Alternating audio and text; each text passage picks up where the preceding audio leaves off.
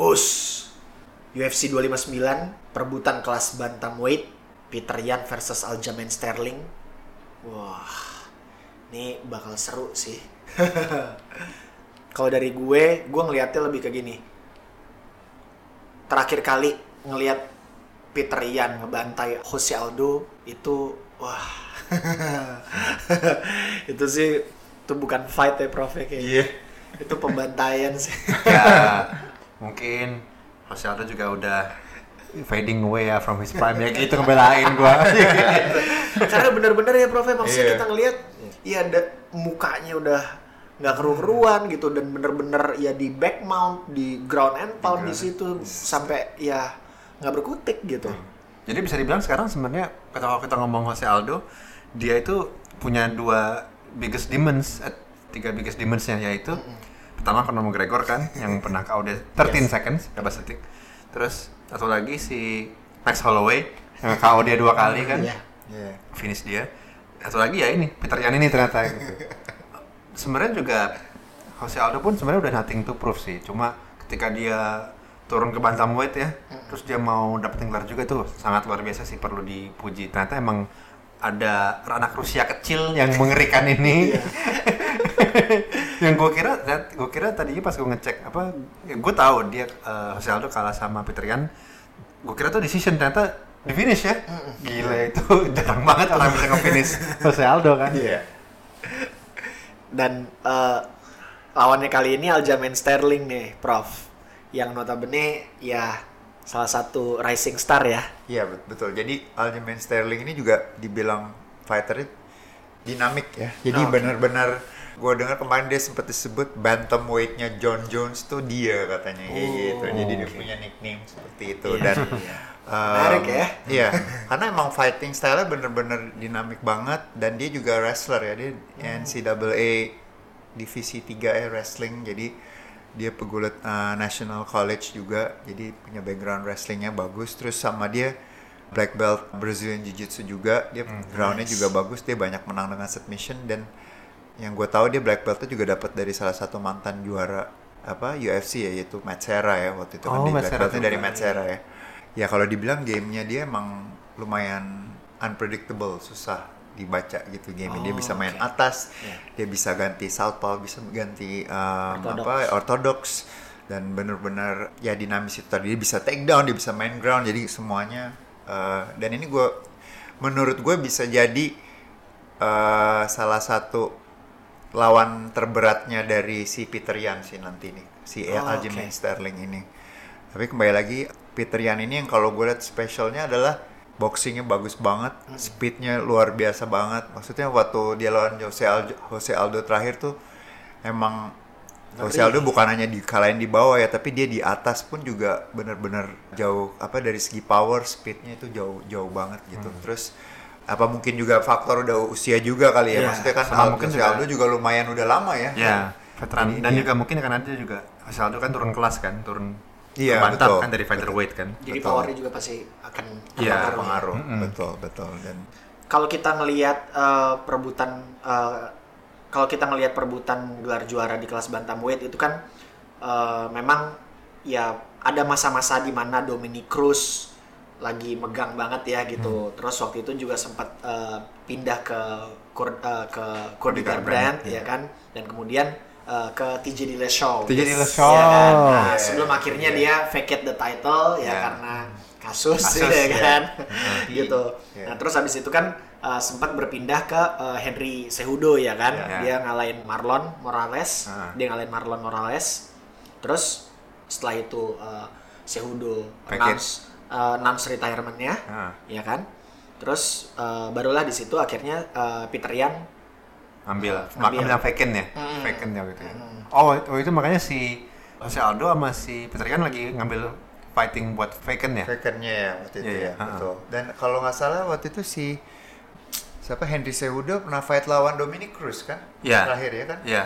Yang Juga bukan di- buat title fight. itu agak kontroversial tuh karena Yang waktu dipukul kecepatan di stop kan? iya karena si waktu itu si Dominic Cruz lagi mau berdiri lagi kan Early mau, stoppage. mau berdiri iya, Iya, early iya, stoppage betul, betul, Heeh. betul. gue sendiri agak ngerasa ah sayang banget Iya. pas Dominic Cruznya berdiri di stop Di gitu stop, iya, Heeh, betul. tapi ya gue agak ngerti sih mungkin referee-nya waktu itu udah ngelihat em, si Dominic Cruz kena hajar terus-terusan kepalanya bangunnya agak telat bener-bener seperti kinetik doang kan bener-bener seperti ya. kinetik heeh.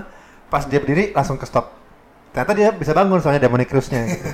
jadi sayang banget tapi ya udahlah Dan ini ada satu fakta yang menarik juga bahwa ketika ketika Yan itu baru habis tarung sama Faber, sama Raja Faber, itu dia sempat bilang gitu, dia sempat criticize Cejudo ya waktu itu ya. Jadi Cejudo waktu itu masih jadi champion di bantamweight gitu. Dia bilang bahwa kayaknya Cejudo menghindar dari gue nih Bray gitu. Emang sengaja nggak mau ketemu gue. Jadi dia pilih lawannya yang emang yang gampang-gampang gitu. jadi mungkin eh, dengan retire-nya Cejudo juga mungkin Peter Yan juga agak gondok kali ya Iya, gitu betul. karena kayak merasa ah kayaknya gue jadi champion mungkin kurang sah nih gitu karena gue nggak ngalahin champion sebelumnya gitu ya kan gitu tapi ya eh, what is done is done gitu dan yang sekarang kayak yang tadi Prof bilang mungkin ini eh, Sterling berpotensi untuk menjadi salah satu lawan terberatnya gitu ya betul. kan gitu untuk game plan-nya sendiri kira-kira yang kebayang Prof Dedi kayaknya sih lagi kesengsem sama Sterling ya enggak Peter Ya, Yan. lagi Atau- kosong sama Peter Yan. Sama Peter Yan ya. Peter Yan, Oh, Peter tahu, Peter iya, Yan. iya, Karena iya. Peter Yan, ya ini Aljamain Sterling bisa jadi merupakan lawan terberatnya. Peter Yan, tapi Peter Yan kalau gue lihat dari dari semuanya lah ya, dari well dari terutama terutama strikingnya sih dia kuat banget.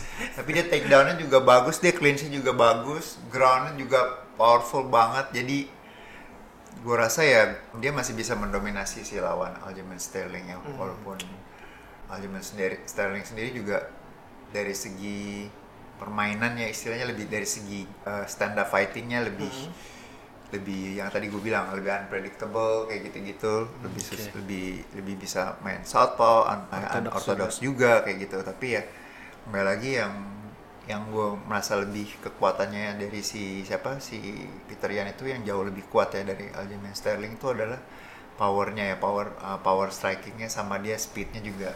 Banget itu aja sih ini emang apa ya battle of the speed ya karena kan di kelas bantamweight kan cepet-cepet semua ya Oh, Iya. Oke. apalagi dulu waktu jangan lupa ketika Cody Garbrandt masih sering fight ya sekarang juga masih ada fightnya dia Eh, tapi yang punya kayak oh, power kayak Cody Garbrandt itu kan nggak banyak ya Iya, kan? Nah, Cody sendiri terakhir kemarin KO-nya juga masih termasuk salah satu Keren tuh. KO masuk nominasi KO of the Year ya. betul Ah, ah. betul lawan Iya. si Rafael Asunsao kalau atau, atau siapa ya gue lupa Ah. tapi yang jelas kalau kalau kita udah ngelihat kelas kelas yang atau apa weight class yang di sini sini kan lebih speed sama speed Ah. sama teknik sama stamina kan? Wah seru tuh. Cuma karena berhubung Prof Dedi dukung Peter kan tapi eh enggak enggak, enggak. gue malah sebenarnya dukung aja Mas Sterling kalau gue Ah, oke, oke, oke. karena gue maunya pindah gelar. Gue maunya Ya, ini bakal menarik sih. Bakal Eh, menarik jadi- banget. Kalau pindah gelar maksudnya gue pengen Peter eh, sorry gue pengennya si Aljamain Sterling yang menang entah bisa ngecok si Peter Yan wah ya kan Karena, dia punya basic BJJ ya kan? iya BCJ bagus submissionnya bagus lebih tinggi juga mu- mungkin bisa lebih main reach-nya reach Iya, advantage-nya ya gitu Untuk eh, strateginya sendiri nih ya kan karena ini ya namanya perebutan gelar pasti akan selalu ada strategi khusus gitu. nggak kayak kalau ngadepin partai yang biasanya gitu. Kira-kira strategi apa nih yang bakal diterapin nih? Kalau Prof Kalau- Didi jadi coachnya eh, Peter Yan nih. Kalau gue bilang coachnya Peter Yan tuh lebih banyak main di atas, udah pasti kalau lawan uh, Sterling. Terus um, ya dia ngandelin boxingnya aja lah, boxing sama sama kickboxing sama anything with stand up, dia elbows atau segala macam itu dia lebih, yang menurut gue powernya lebih kuat di sana gitu ya di atas kayak gitu dan apa uh, ya gue rasa sih lebih fokusnya di stand up.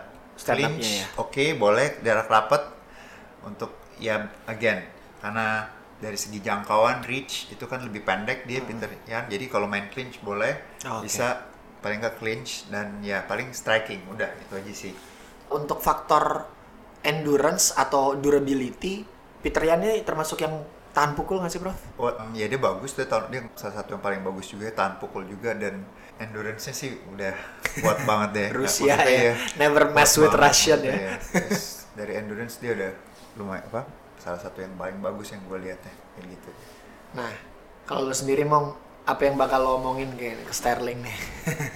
Eh, pasti gue akan minta Sterling buat mainin advantage reach-nya.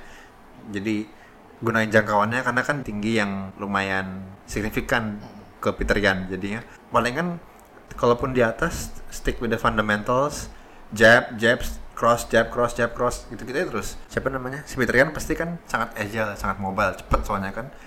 Tapi kalau menurut gue, kalaupun di take down si Aljamain Sterlingnya, gue rasa dia akan lebih superior.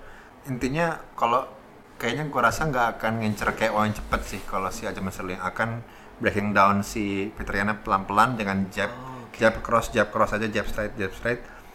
Terus kalau ternyata dapat take down atau ke bawah ya let's go for it karena dia juga pasti mau tuh Aljamain Sterling. Kayaknya problem terbesarnya selain powernya Peter Yan ya yaitu adalah speednya sih speed speednya Peter Yan karena lebih kecil ya ya kan lebih cepet lebih kecil lebih cepet Iya. Ya kita lihat aja Lionel Messi. iya Kalau sama Peter Yan kalau di bawah dia boleh main di ground and poundnya juga sih. Udah gila Iya, banget. iya. Kayak oh iya kayak lawan Aldo, Aldo ya lawan Aldo wah gila brutal banget udah. Itu aja sih. Iya. Jadi ground and pound kalau sampai main di bawah em, ya udah paling makanya gue bilang lebih banyak ke striking sih kalau Peter Yan. Gue nggak pernah lihat dia bisa cari submission atau apa. Cuman kalau lawan Aljamain Sterling dia kayaknya agak bakal agak kesulitan sih ya untuk cari submission. Cuman kalau di bawah ya paling nggak ground and poundnya aja. Positioning and ground and pound. That's it. Udah. Posisi menentukan prestasi ya. Iya. Iya iya iya. position before submission loh JJ lagi loh Kepake lah ya prinsip Kepake. Berarti kalau dilihat dari uh, prediksinya uh, kalau dari game plan yang tadi lo jelasin gitu kan Mong, sepertinya kan Sterling nggak akan nggak akan coba istilahnya uh, ronde satu bukan akan jadi prioritas ya, tapi lebih ke untuk menakar dulu aja nih Hmm. Betul, gitu ya kan. betul. Gitu. Nah, untuk untuk kira-kira nih forecasting partainya sendiri resultsnya bakal seperti apa nih? gua kayak tadi gue bilang tadi si Azaman Sterling akan lebih breaking down Peter Yan pelan-pelan nggak mungkin finish di ronde pertama yang cepet ya kecuali tiba-tiba ada miracle mungkin dia bisa la- landing em, apa flying knee. Tapi kalau gue rasa yang akan terjadi adalah ya bener-bener paling kan di championship rounds antara cha- champ- apa round ronde ketiga sampai lima sih menangnya. Atau decision Iya, tumben ya. Oke oke. iya, Iya, iya, agak ragu juga gue soalnya susah juga kan ngalahin Peter Yan ya. Ya itu jadinya intinya kemungkinannya antara di ronde keempat lah paling cepet menang TKO atau submission atau menangnya decision. Loh, jadi siapa yang megangnya? gue megang Sterling. Sterling, oke. Sterling. Jadi menang by, by KO. KO atau submission di Ronde keempat, ronde keempat atau decision. atau decision. Kalau gimana? Gue, eh, kalau ini gue berani bilang nggak akan ada deci- decision kalau fight ini. Oh. Eh, ada pilihan dengan pilihan gue. Gue bilang Peter Yan akan menang di ronde bisa eh, by KO or TKO di ronde 4, ronde ketiga atau keempat. Kayak Ah, gitu. oke. Ya, gitu lah.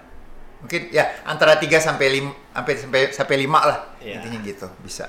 Yang jelas sih buat teman-teman yang mau nonton pertandingannya, ya kita suggest kalian mending standby dari dari pagi ya, gitu karena kita nggak tahu nih maksudnya di di uh, line up yang ada uh, di UFC 259 ini ya the- there might be many surprises ya gitu. Betul. Ada partai yang bisa mungkin berjalan dengan sangat singkat tapi bisa juga ya ada partai yang memang bisa berjalan full Full ya. lima ronde tuh Betul. gitu.